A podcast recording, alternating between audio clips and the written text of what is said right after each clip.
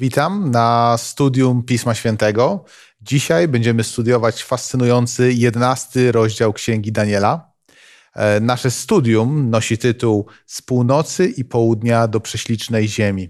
Ja nazywam się Dawid, a wraz ze mną w studiu są Zdzisław, Zenon i Władysław.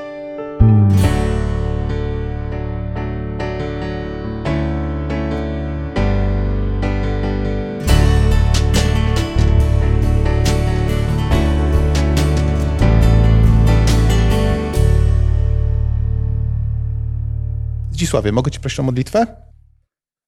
Panie Boże, Ojcze nasz, dziękujemy Ci z całego serca za ten przywilej, że możemy otwierać Słowo Twoje święte. Dziękujemy Ci za księgi prorocze, za objawienie, Panie. I prosimy Ciebie w tej chwili, abyś Duchem Twoim Świętym rozjaśnił nasze umysły, abyśmy mogli pojąć to Słowo i przekazać tak, jak Ty sobie sam życzysz. Prosimy Ciebie za tymi, którzy wsłuchują się w przebieg tego studium. Błogosław nas wszystkich, a modlitwę naszą zanosimy w imieniu Ojca i Syna i Ducha Świętego. Amen. Amen. Amen. To jest kolejna e, w serii e, lekcji, studiów biblijnych na temat Księgi Daniela. Doszliśmy do rozdziału, do rozdziału 11 a, i ten 11 rozdział dzisiaj będziemy zgłębiać. Powiedzcie mi proszę, czy ten jedenasty rozdział e, sam w sobie stanowi jakąś część, czy jest to, jest to e, kontynuacja naszego, naszego studium i też jest to kontynuacja pewnego tematu? Proszę bardzo. Studiując Księgę Daniela, zauważaliśmy wiele paralelnych proroctw, wiele równoległych e, przepowiedni, E, ukazanych w symbolice. Interesującym jest na początku tego jedenastego rozdziału słowo, które anioł, przychodząc do Daniela z wizją i z wyjaśnieniem, mówi: Teraz oznajmię ci prawdę. Mhm. E, czy to zapewnienie sugeruje, jakoby w innych przypadkach nie mówił prawdy? Nie, ja myślę, że warto tu podkreślić, co wynika później z całej treści. Poprzednie wizje były ukazane w symbolach, mhm. a tu od razu anioł już z pominięciem symboli podaje rzeczywiste nazwy poszczególnych e, państw, które e, mają po sobie następować. Mhm. Nie ma symboli. Mhm. Dziękuję bardzo. Proszę bardzo.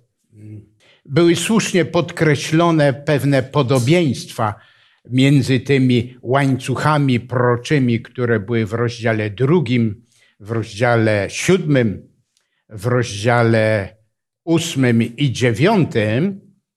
A jakie są różnice, też warto zapytać, bo przecież jak to jest paralelne, takie same, to po co to drugi raz było wymieniane? E, są też i różnice że tamte miały charakter bardziej symboliczny, a tu bezpośrednio, co już e, Zenek podkreślił, to jest raz.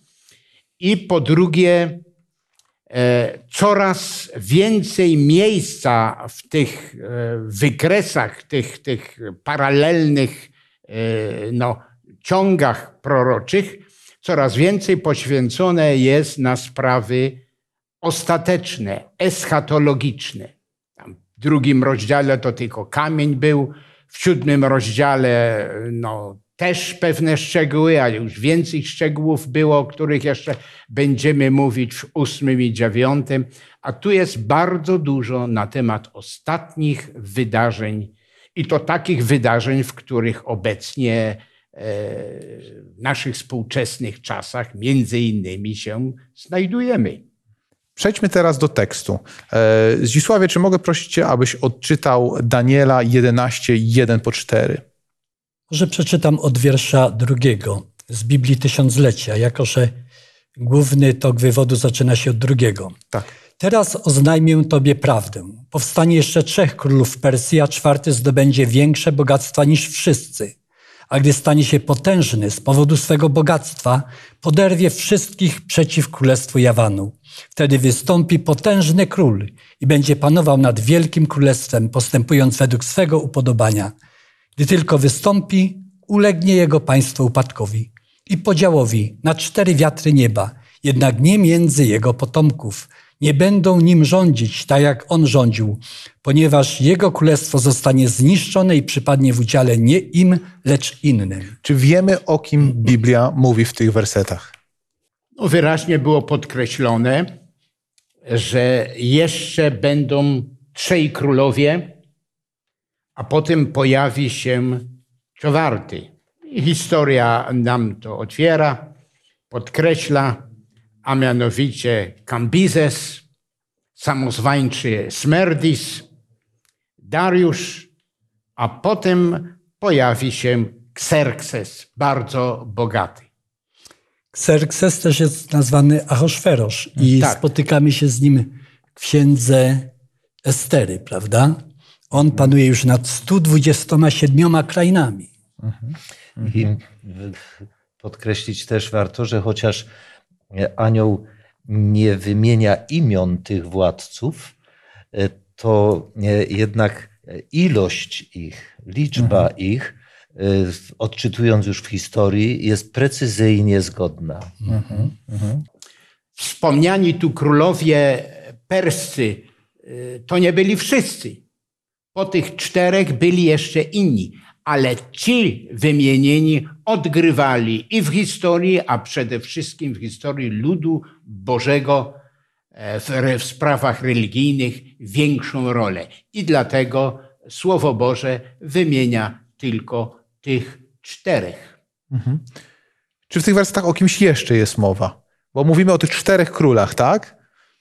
No oczywiście wspominamy o królu greckim. Tu to jest tak wyraźliście przedstawione, że występuje potężny król, który stoczy walkę z królem medoperskim i odniesie no, błyskotliwe, błyskawiczne zwycięstwo.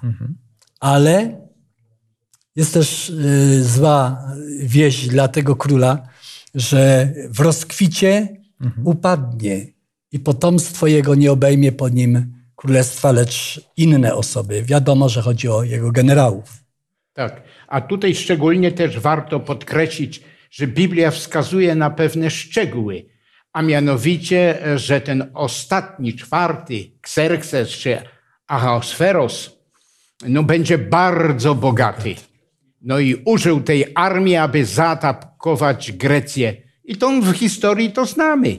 Maraton słynny, jeszcze to poprzedni król był, e, potem Termopile e, i wiele innych tam jeszcze, Salamina, miejsc. No ale niestety, mimo to, że miał potężną armię, a Grecy mieli niewielką armię, jednak odnieśli zwycięstwo. Jeżeli inne nazwy nie pamiętamy, to warto pamiętać maraton. Podsumowując, Biblia mówi bardzo precyzyjnie na temat tego, kto będzie rządził, jaka będzie e, progresja. Mm, Mówi bardzo precyzyjnie o e, tym królu Grecji, który, który m, prawda, identyfikujemy go jako Aleksander Wielki. Nie da się inaczej, nie da się tego inaczej e, zinterpretować, zrozumieć, ponieważ jest tak precyzyjnie. Powiedzcie, dlaczego Biblia, jaki, co ma Biblia na celu, mówiąc nam o tym z taką precyzją? Warto wskazać też inne fragmenty e, Pisma Świętego, innych e, autorów, proroków, którzy, e, przez których Bóg wspomina, e, że te informacje prorocze podaje jako dowód, że Bóg zna przyszłość, że Bóg kontroluje historię. Nie wymknęła się jemu spod kontroli, jak dzisiaj czasami niektórzy ludzie e, uważają, że historia wymknęła się Panu Bogu spod kontroli. E, W księdze Izajasza w 46 rozdziale e, to są e, tak bardzo, bardzo e, e, ważne słowa e, i brzmią one tak. Czytam z Biblii Warszawskiej. Ja od początku zwiastowałem to, co będzie i z dawna to, co jeszcze się nie stało. Ja wypowiadam swój zamysł i spełnia się on i dokonuję wszystkiego, czego chcę. Przywołuję ze wschodu ptaka drapieżnego, z ziemi dalekiej męża, który wykona mój zamysł. Jak powiedziałem, tak wykonuję. Jak postanowiłem, tak czynię. Jest takie jeszcze jedno miejsce, które też chciałbym e, podkreślić, że e, Bóg powiedział tak w 48 rozdziale Izajasza. Teraz stały się te rzeczy niedawno i przed dniem dzisiejszym o nich nie słyszałeś, abyś nie powiedział, ja o nich wiedziałem. A więc te proroctwa są gwarancją, że istnieje Bóg, który zna przyszłość. Mhm. Bardzo dziękuję. Tu warto jeszcze, bo wspomniany już był e, ten wielki wódz grecki Aleksander, Aleksander Wielki, później określany. E, panował tylko około 10 lat. Podbił cały świat. W mhm. zasadzie wyprawił się do Indii, chociaż mu to na nic już nie było potrzebne. Ale jest powiedziane, że potem ten róg E, symbolizowany Aleksandra Wielki został złamany i na jego miejscu wyrosły cztery rogi na cztery strony świata. Tak należy to odebrać e, z oryginalnego tekstu biblijnego. Mhm, mhm. Początkowo generałowie walczyli, bo podobno Aleksander Wielki, jak umierał, to generałowie przyszli i pytali go, komu tron? A on podobno miał sprytnie odpowiedzieć najsilniejszemu, a który generał kiedyś uważa siebie za słabego. No i przez 20 lat wojowali. Na placu boju później pozostało czterech, a potem, jak będziemy dalej studiować, z tych czterech pozostało tylko dwóch. Mhm, tak. Na cztery strony świata. Wygląda na to, że mm, e, czasem w historii e, historia toczy się w taki sposób, że kieruje nią ambicja ludzka, e, chęć podboju, chęć prawda, przypisania sobie chwały, a Biblia podchodzi do tego w zupełnie inny sposób. Biblia patrzy na to jako coś, co kontroluje dobry, miłosierny Bóg. Tak? Ciekawe jest również to, że przy kuszeniu szatan chwalił się przed Panem Jezusem, że daje tą, tę ziemię komu chce. Mhm. Ale chociaż on jest nazwany księciem tego świata, to władcą jedynym, potężnym jest Bóg. Mhm. Bardzo dziękuję. Więc, więc widzimy z wielką precyzją, tak? Mamy, mamy tych czterech króli, czy też czterech generałów, którzy przejmują Schedę po Aleksandrze Wielkim. Tam bardzo y, rozdział i tam wersety 5 do 14 bardzo precyzyjnie mówią o tym, co się będzie dalej działo, prawda? Historia odnotowuje to. Jest to potwierdzeniem tego, co przed wiekami powiedział, powiedział mm, Bóg, że czterech będzie. Kasander Grecję zajął, Lizymachus, Syrię, E, Seleukos, wschód, między innymi Babilonię i Syrię również, jak również Ptolemeusz. Później na placu boju pozostało dwóch. Gdybyśmy chcieli śledzić dzieje tych mm, e, władców, szczególnie tych dwóch ostatnich, Seleukos i Ptolemeusz, to cała długa historia była. Ale Biblia wspomina nawet pewne szczegóły, abyśmy mieli E, no, mm, pełne przekonanie, że to jest tak, jak Bóg wcześniej to zapowiedział. Między innymi taki szczegół, że e, nieraz wojowali, a nieraz próbowali się pogodzić. I tam wspomina nawet, że weźmie córkę króla Ptolemeusza, żeby nawiązać kontakt, ale z tego nic nie wyszło. Cały czas wojowali między sobą E, ci szczególnie dwaj ostatni władcy, e, to znaczy Ptolemeusz i Seleukos. Ok, więc e, mamy tych czterech królów, teraz e, zostało dwóch. Nawet takie fakty jak, jak te, ta próba pogodzenia między nimi są wymienione w Piśmie Świętym. Wiemy Berenika z historii, ta, ta córka, która, która, która e, miała wyjść za mąż. Ale posłuchajcie, tam jest jeszcze mowa o dwóch królach.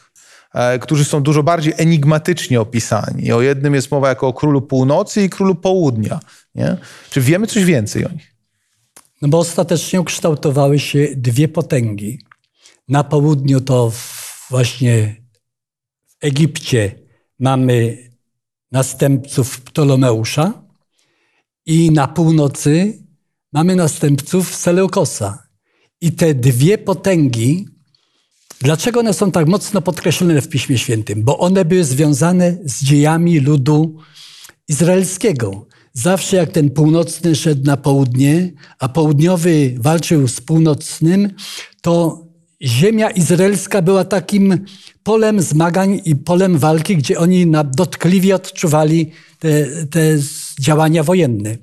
I tutaj już się utrwala taka symbolika, która później przechodzi do dalszych części ale właśnie lud Boży jest pośrodku, a dwie te potęgi zmagają się i lud Boży ponosi, Izraelczycy konkretnie ponoszą straty mhm. z tego tytułu. Ci dwaj władcy na północy i na południu za wszelką cenę chcieli odbudować imperium mhm. Aleksandra Wielkiego, ale im to się nie udało. Dlatego cały czas były wolny, wojny okrutne. No i między innymi to, co Zdzisław słusznie powiedział, że dotykało to ludu Bożego, który między nimi był.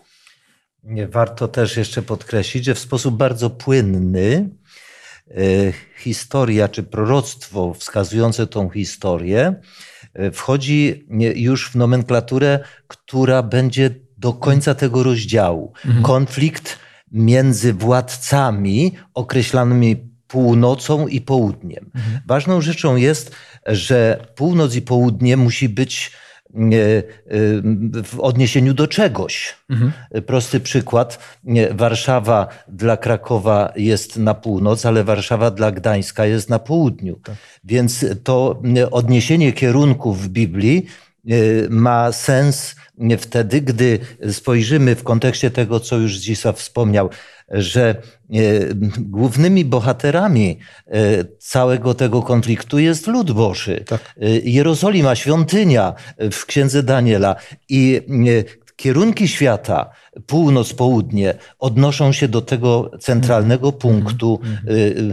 historii walki ludu Bożego, Jerozolima, świątynia. Tak. Tu jeszcze możemy podkreślić, że możemy przykład wziąć z Polski która niestety miała złe położenie między wschodem a zachodem. Jak były wojny między wschodem a zachodem, to przede wszystkim najbardziej cierpiała Polska. I tak podobnie jak to zostało podkreślone, Palestyna, Góra Święta, e, góra, e, znaczy teren e, no, przepiękny, no, był pomiędzy tymi, był kopany z dwóch stron, tak jak piłka e, nożna e, na boisku. Proszę bardzo. Może jeszcze na jedną kwestię zwróćmy uwagę, że anioł nie spisuje proroctwa e, dla nas, on opowiada Danielowi, bo Daniel jest zainteresowany dziejami swojego narodu, ale to przesłanie jest ponadczasowe. Ale Daniel doskonale rozumie te kierunki. Północ, z południa, prawda, ziemia ozdobna, piękna. No, dla niego to była najpiękniejsza ziemia rodzinna, jego ukochane strony. I stąd mm, łatwa jest identyfikacja taka geograficzna. Wyłania się kolejna potęga, i ta potęga jest o tyle ważna, e, że w 22 wersecie mamy pewne bardzo kluczowe wydarzenie tak, o którym jest mowa za czasów tej potęgi. Ale zanim o tym powiemy, to powiedzmy coś o królach, którzy będą e, tutaj również podkreśleni w tekście dalej. Możemy e, zastanawiać się, dlaczego cała lista królów tak. rzymskich. Bardzo długa lista. No, długa lista. Gdybyśmy chcieli, to przez e, długi czas musielibyśmy studiować, ale wymienia te, które miały bezpośredni kontakt z ludem Bożym. Tylko tych. I świątek. Tak. Tylko te. I tu jest taka piękna rzecz, że potem pojawił się pewien władca, August, który znany w historii jest jako poborca podatków. No a żeby podatki, no to muszą spis ludności być, po to, żeby z nich ściągać. Te podatki to w Imperium Rzymskim cały czas były oczywiście prowadzone i między innymi e, no, Józef i Maria z rodu Dawida musieli iść gdzie? Do Betlejemu, na spis ludności. Potem jest taki jeszcze inny szczegół, e, że jak no, zginął August, to później nie, nie miał potomka albo zostali zgubieni, zamordowani. No, przychodzi pasierb, Tyberiusz, tak, nazwany w historii nikczymnikiem, zazdrosny oczywiście. No i najważniejsza rzecz e, jest wspomniana, że zapanowania tego nikczymnika, tego no, mm, E, zdradliwego człowieka, zazdrosnego człowieka, zginął tak jak w Biblii czytamy w 22 rozdziale tego 11 wiersza, nie, 22, że książę przymierza był zmiażdżony, tak. Mhm. Książę przymierza. Wiemy, kto jest księciem przymierza. No nasz Zbawiciel Jezus Chrystus. I z Tyberiusza został ukrzyżowany. Tutaj taki szczegół, przepraszam, jeszcze tylko to dopowiem, e, że e, Piłat był spokrewniony z Tyberiuszem. I on wiedział, że to jest człowiek zazdrosny, że to jest, jeżeli by ktoś doniósł, e, że, zno, że zgłoszono, nie, zgłoszono, że nie mamy króla, tylko mamy cesarza, a ty lekceważysz to, no to skończyłoby się to do, dla niego bardzo, bardzo źle. Czyli takie, takie szczegóły mamy w tym jedenastym rozdziale zapisane. Mhm, mhm. Dziękuję bardzo. Proszę. No i tutaj też znajdujemy taką myśl paralelną, jako że w dziewiątym wierszu, w, dwudziestym, w dziewiątym rozdziale, w dwudziestym piątym wierszu mamy o pomazańcu. Tak. Prawda? Jest zwrócona uwaga na Jezusa Chrystusa, a teraz w następnej wizji znowu jest nawiązanie, nawiązane do Jezusa Chrystusa, ale do Jego właśnie y, śmierci, Jego ofiary. I tutaj się królowie kończą, tak? Co będzie dalej? Jaki jest następny krok? Rzym się pojawia e, i tak jak e, zgodnie z oryginałem jest napisane, nie z jednego rogu z tych mhm. czterech na które imperium e, Aleksandra Wielkiego się rozpadło, ale z, z jednej strony, daleko na zachodzie, rodzi się kolejne mocarstwo. Często też w Biblii określone początkowo jako mały róg, który staje się potężny. Początkowo było to polityczne państwo, które miażdżyło, kruszyło wszystko, tak jak to w, w siódmym rozdziale było Księgi Daniela opisane no a e, wreszcie przekształca się w jakiś inny system. Mhm, mhm. Ważne, żebyśmy powiedzieli o tym innym systemie, bo ten inny system będzie dokonywał jakichś pewnych zmian, mhm. bardzo ważnych zmian w historii, nie? Myślę, że należy podkreślić tutaj e, jedną bardzo subtelną rzecz że ten 22 werset no, najłatwiej mhm. jest w interpretacji, w zrozumieniu, bo no, książę przymierza tak. Y, to nikt inny, tylko sam Zbawiciel Jezus Chrystus. I teraz dalej historia się toczy, rozumiejąc ten paralelizm, o którym tak. mówiliśmy od początku. Y, wchodzą inne potęgi, ale te kierunki świata, które e, do tej pory były geograficzne, w tym momencie stają się e, odniesieniem do pewnej duchowości, do pewnej symboliki. A więc e, król północy, który walczy z królem południa i przez większą część tutaj dominuje, obejmuje już nie tyle te dynastie Seleucydów y, czy Ptolomeuszy, o których mówiliśmy, ile pewne potęgi, które przejmują w spuściźnie pewną ideologię. Tak. Ale musimy uzmysłowić sobie, że potęga rzymska też przyszła z północy. Też. Dlatego, że oni zajmowali kolejne te tereny i gdy niektórzy zwracali się o protektorat nad swoim krajem, op- prosili o opiekę, no to Rzymianie łaskawie przychodzili. A jak już przyszli, to już nie odeszli. Ale do Palestyny przyszli właśnie z północy.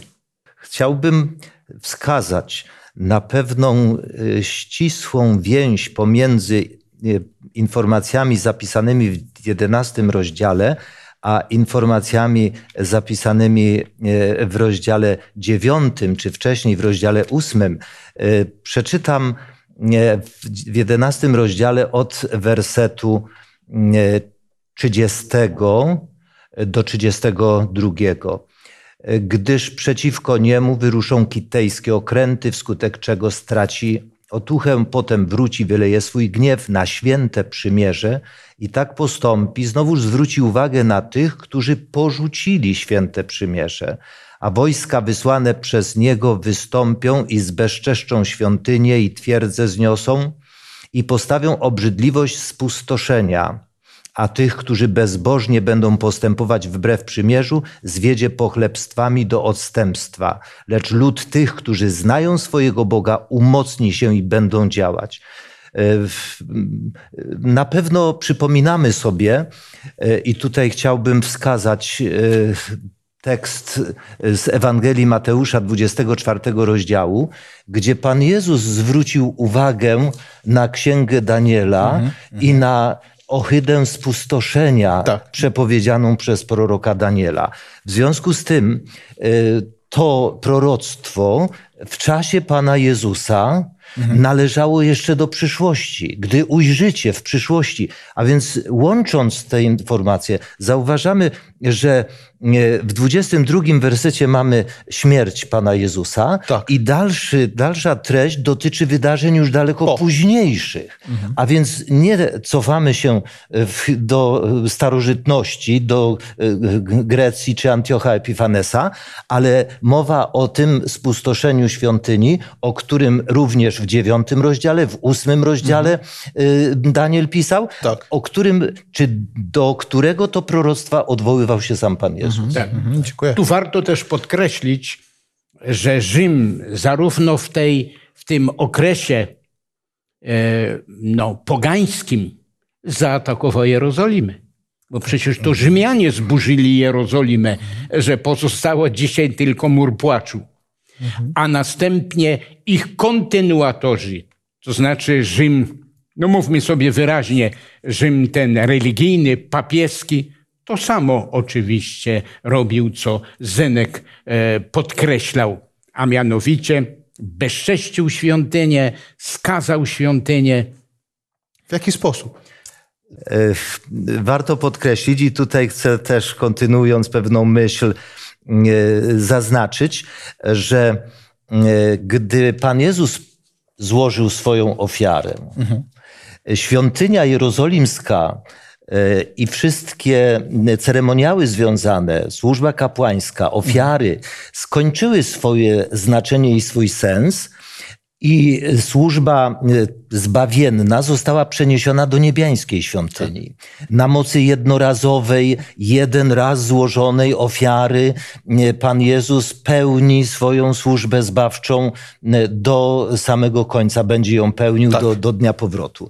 I dlatego to zbezczeszczenie świątyni e, z pewnością nie dotyczyło już świątyni jerozolimskiej, którą Rzymianie w 70 roku doszczętnie Tak. e, zniszczyli, do tej pory nie jest odbudowana, ile dotyczy świątyni prawdziwego przybytku. Tej świątyni, o której Daniel wi- e, e, pisze w ósmym rozdziale, tej świątyni, o której pisze w dziewiątym rozdziale, świątyni, która, o której pięknie list do Hebrajczyków mówi, cały list. Boży przybytek, przybytek budowany ręką Bożą, nieludzką, gdzie Pan Jezus pełni swoją służbę Dziękuję. orędowniczą. Bardzo dziękuję. W tym wypadku łatwiej nam zidentyfikować mocarstwo po dokonaniach, jakie, Tak. Jakie zostały spełnione. Dlatego, że mm, nikt w obszarze chrześcijaństwa nie zaatakował tak pośrednictwa Jezusa Chrystusa, Jego kapłaństwa, Jego ofiary jednorazowej, świątyni, która jest w niebie, jak właśnie y, powszechne chrześcijaństwo katolickie i rzymskokatolickie. Właśnie adwentyzm ma y, tą, tą cechę i o tym możemy mówić, że jako jedyny Kościół bardzo mocno mamy rozbudowaną teologię kapłaństwa Jezusa Chrystusa w świątyni niebiańskiej i służbę, jaką tam pełni. I my modlimy się do Pana Jezusa Chrystusa w świątyni. Spowiadamy się przed Nim, wyznajemy Jemu grzechy. To te wszystkie obrzędy, to pośrednictwo, które było kiedyś na ziemi w świątyni jerozolimskiej, jest dalej w Jerozolimie, ale tej niebiańskiej. Tutaj możemy podkreślić też to, że ta świątynia ziemska była tylko obrazem, cieniem tej prawdziwej świątyni, tak jak w Biblii czytamy w wspomnianym liście do Hebrajczyków, a mianowicie świątyni niebiańskiej. A warto też i podkreślić, e, że apostoł Jan w liście pięknie napisał: Dziateczki, nie grzeszcie. A gdyby kto zgrzeszył, to gdzie mamy iść? Tak, mamy... Do konfesjonału? Czy jeszcze gdzieś indziej? Nie.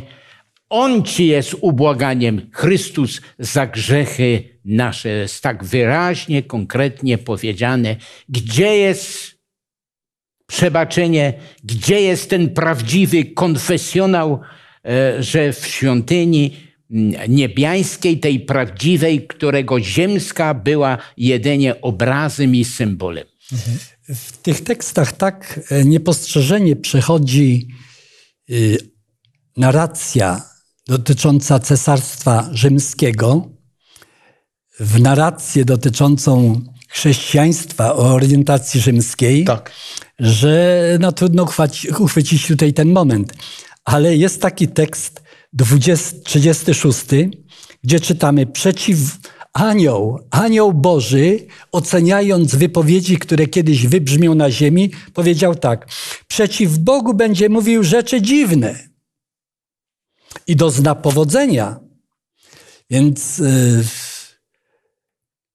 generalnie chrześcijaństwo nie jest zorientowane w treści Pisma Świętego i z wielkim zaufaniem zwraca się do swoich kapłanów, a oni ustanowili z punktu widzenia anioła i tak. nieba dziwne kwestie, które odbiegają tak dalece od rzeczywistości, od prawdy, że no anioł aż tak jak gdyby mówi, o dziwna sprawa. Mhm. Zdzisław, bardzo interesujące podkreśliłeś tutaj słowo, bo ono tak zbieżnie brzmi y, z y, informacją w ósmym rozdziale, w dwunastym wersecie, gdzie y, Daniel pisze, na codziennej ofierze dopuszczono się przestępstwa, prawda została powalona na ziemię, a cokolwiek czynił, to mu się udawało. Mhm. Miał powodzenie. Więc to powodzenie częstokroć jest interpretowane jako Boże błogosławieństwo. Tak. Ale pozwólcie jeszcze, że podkreślę myśl 33 wersetu. A roztropni wśród ludu doprowadzą wielu do właściwego poznania.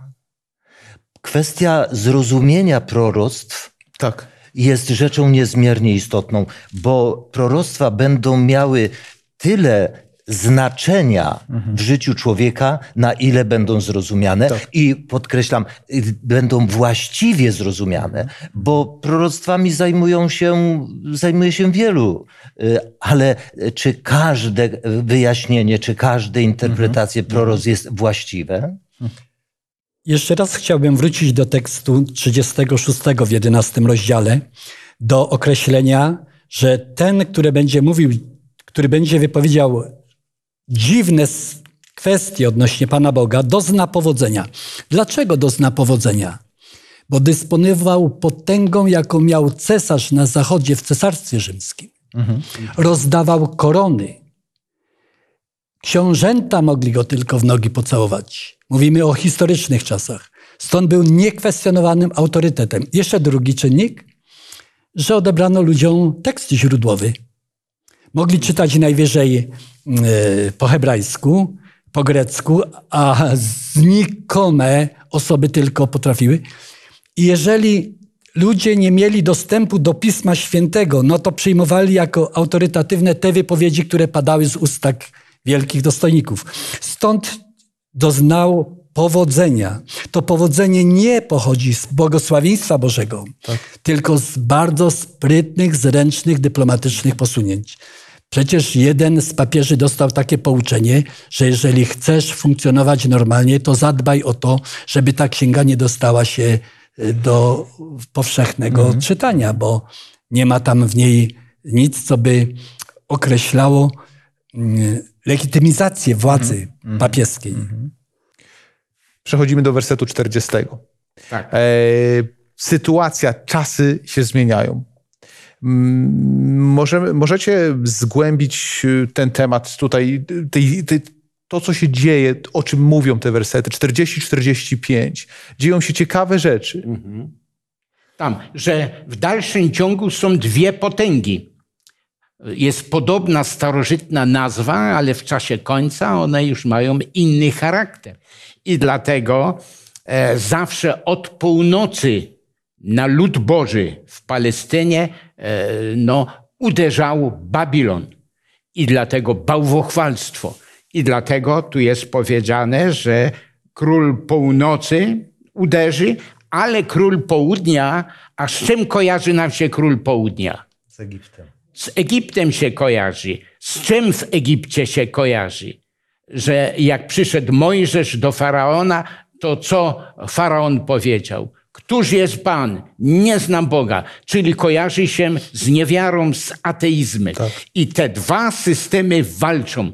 Ten zbankrutowane chrześcijaństwo z jednej strony, Które... symbolizowane przez Babilon, i niewiara ateizm symbolizowana przez Egipt, to znaczy przez tego, który powiedział, któż jest Pan, nie znam Boga, Izraela nie wypuszczę. Nie, dziękuję. Historia się toczy, lata mijają i 40 werset zaczyna się też takim zwrotem pomagającym nam znaleźć się w czasie, w czasach mhm. ostatecznych. Mhm. Mhm. Więc e, warto podkreślić, definicję, co to są czasy ostateczne. Mhm. No wiadomo, ostateczne końcówka. I e, uwzględniając wszystkie informacje prorocze, e, nie zagłębiając się w szczegóły, czasy ostateczne rozpoczynają się po wyznaczonym proroczym okresie czasu, tak. po wyznaczonych e, latach, a więc zarówno z ósmego rozdziału 2300 dni, lat, 1260, to jeszcze w 12 rozdziale będzie mocno podkreślone, gdy wejdziemy w te, temat 12 rozdziału, ale te czasy ostateczne to czasy współczesne, wiek XIX, XX, XXI, które doprowadzą nas rzeczywiście do powrotu mhm. Jezusa Chrystusa. Mhm. Dziękuję bardzo. I tu jest... A, proszę. No, atmosfera nam się rozgrzewa, dlatego że przychodzimy do czasów ostatecznych. Ale warto uzmysłowić sobie, że każda z poprzednich wizji, z drugiego, siódmego, ósmego rozdziału, z dziewiątym, ma, jest tak skonstruowana, że wiedzie nas do końca historii. I w tym jedenastym rozdziale też musi być część, mhm. która omawia koniec historii Ziemi. I jeżeli mamy określenie w 40 wierszu czasy ostateczne, to w Bożej perspektywie dziejów rozpoczęło się to, co tutaj Zenek właśnie przedstawił. Jeszcze taka, taki wątek. Przecież już nie ma Seleucydów. Egipt też nie odgrywa żadnej politycznej wielkiej roli. A w Piśmie Świętym posługujemy się znowu określeniami król północy, król południa, dlatego że to są już nazwy symboliczne lud Boży to już lud Boży Nowego Testamentu, a nie lud żydowski. Ziemia święta to jako punkt odniesienia to, to już lud Boży, który jest na obliczu całej ziemi. A jednak będą dwie takie potęgi, które tutaj brat y, był uprzejmy scharakteryzować, które nacierają bezustannie na chrześcijaństwo, na tą garst, na tą część chrześcijaństwa, która chce być wierna Bogu, prawda? Tak. Dlatego tu jest król północy wspomniany, który jest symbolem bałwochwalstwa, no tego systemu, o którym mówiliśmy, ale mówimy, że ten fałszywy system religijny w pewnym momencie na niego natarł ateizm. Kiedy natarł ateizm?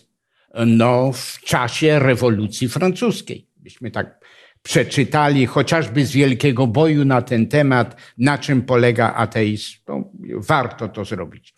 Ale czytamy, że po pewnym czasie jednak król północy, czyli ten zbankrutowane chrześcijaństwo, o którymśmy wiele powiedzieli, się umocni, zlikwiduje ten system ateistyczny i sama opanuje e, cały świat.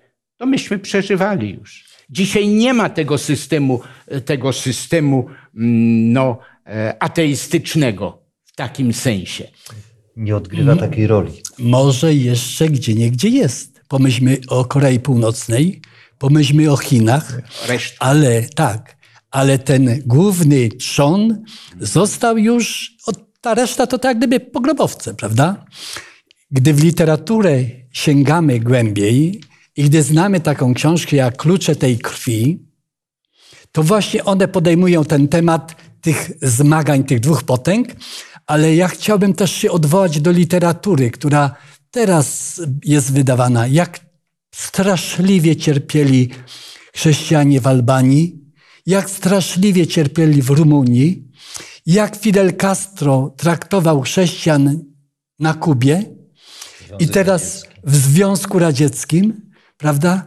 Więc y, jeden z poetów rosyjskich wyraził, bodajże rosyjskich, wyraził w ten sposób te krwawe poczynania Stalina, głównie przecież na chrześcijanach, że gdyby miał spisywać wszystkich tych, których zamordował, to by mu życia brakło, choćby imiona i nazwiska spisywał. Więc ateizm jest winien straszliwej ilości istnień ludzkich zamordowanych bestialsko. W Albanii jednego pastora ciągnęli na dziedzińcu świątyni i przyczepili go do orczyka, który koń ciągnął. I tak koń biegał, że tylko nogi zostały. To były straszne prześladowania. Tak. Ale warto tu jeszcze jedno podkreślić, a mianowicie, co się na końcu stanie? Niewiara, świeckość połączy się z systemem fałszywym, religijnym i uderzy na kogo? Na poselstwo, które dociera z północy, a objawienie nam ilustruje, co znaczy ten północ, skąd siódmy rozdział, ja już tylko e, zapowiadam, siódmy rozdział e, Apokalipsy, drugi wiersz, no i jeszcze kilka innych, no, dlatego też musimy zdawać sobie sprawę z tego, co się stanie, że te dwie potęgi ideologiczne, walczące, w końcu się połączą, aby zaatakować lud Boży. Ale dobrze, że będziemy następną lekcję studiowali. Tam jest powiedziane, że tego czasu, tego największego ucisku, kiedy te dwa systemy się połączą, że tego czasu powstanie Michał Książę, który się zastawia za synami ludów swego. Mhm. Zenonie, proszę bardzo. Myślę, że warto jeszcze podkreślić o jednym ważnym aspekcie e, dominacji ateizmu, który, jak Zdzisław wspomniał, walczył i zwalczał ludzi, prześladując, ale e, ten system dokonał wielkiej, e,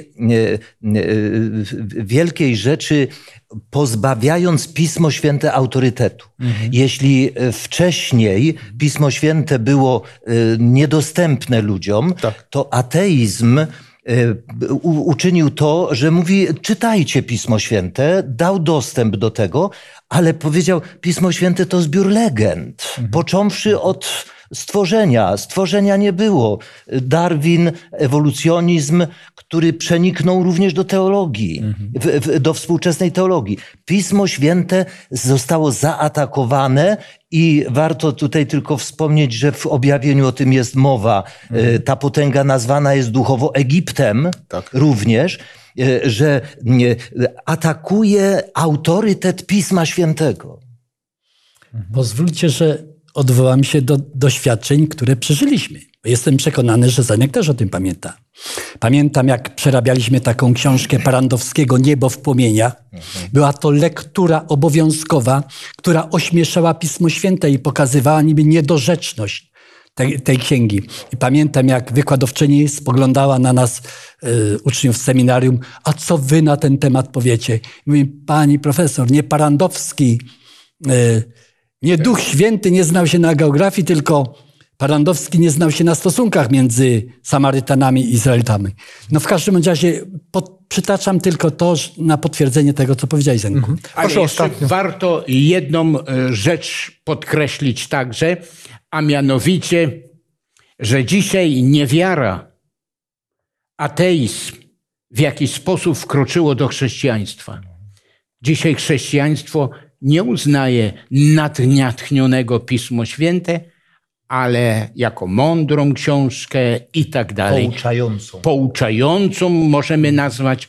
I dlatego też te dwie ideologie, zeświadczenia, mhm. jak również e, niewiary, połączyły się razem, żeby zaatakować lud Boży. Jest taka przepiękna e, książka, bardzo mądra, oryginalnie nazwana jak ochrzcić Lucyfera. To znaczy zaakceptować niewiarę, zaakceptować atak na Pismo Święte. W takich czasach żyjemy. Niestety musimy kończyć. Zanonie, czy mogę prosić Ciebie o modlitwę kończącą? Nasz Ojcze i Boże, Stworzycielu nieba i ziemi, całego wszechświata, dziękujemy, że pozwalasz do siebie mówić Ojcze, a stworzonych ludzi chcesz przyjąć jako swoje dzieci. Dałeś, dałeś w przeszłości i dajesz tak wiele dowodów swej wszechmocy, ale również swojej miłości, swojej troski o to, aby w tym wielkim konflikcie pomiędzy prawdą i kłamstwem, pomiędzy dobrem i złem, zwyciężyć aby zwyciężyło dobro i prawda. Dziękujemy i powierzamy się w Twoje ręce na każdy kolejny dzień naszego życia. W imieniu Pana Jezusa. Amen. Amen. Amen. Szanowni słuchacze, kończymy e, to bardzo głębokie studium. Chcielibyśmy jednak mimo wszystko, zważywszy na to, że e, ten rozdział mówi o wiele, wiele więcej niż czas pozwolił nam poruszyć, aby to był taki początek waszego osobistego studium rozdziału 11 Księgi Daniela. Zapraszamy was serdecznie już na następne studium. Tym razem będziemy studiować e, rozdział 12 Księgi Daniela. Serdecznie zapraszamy. Do zobaczenia.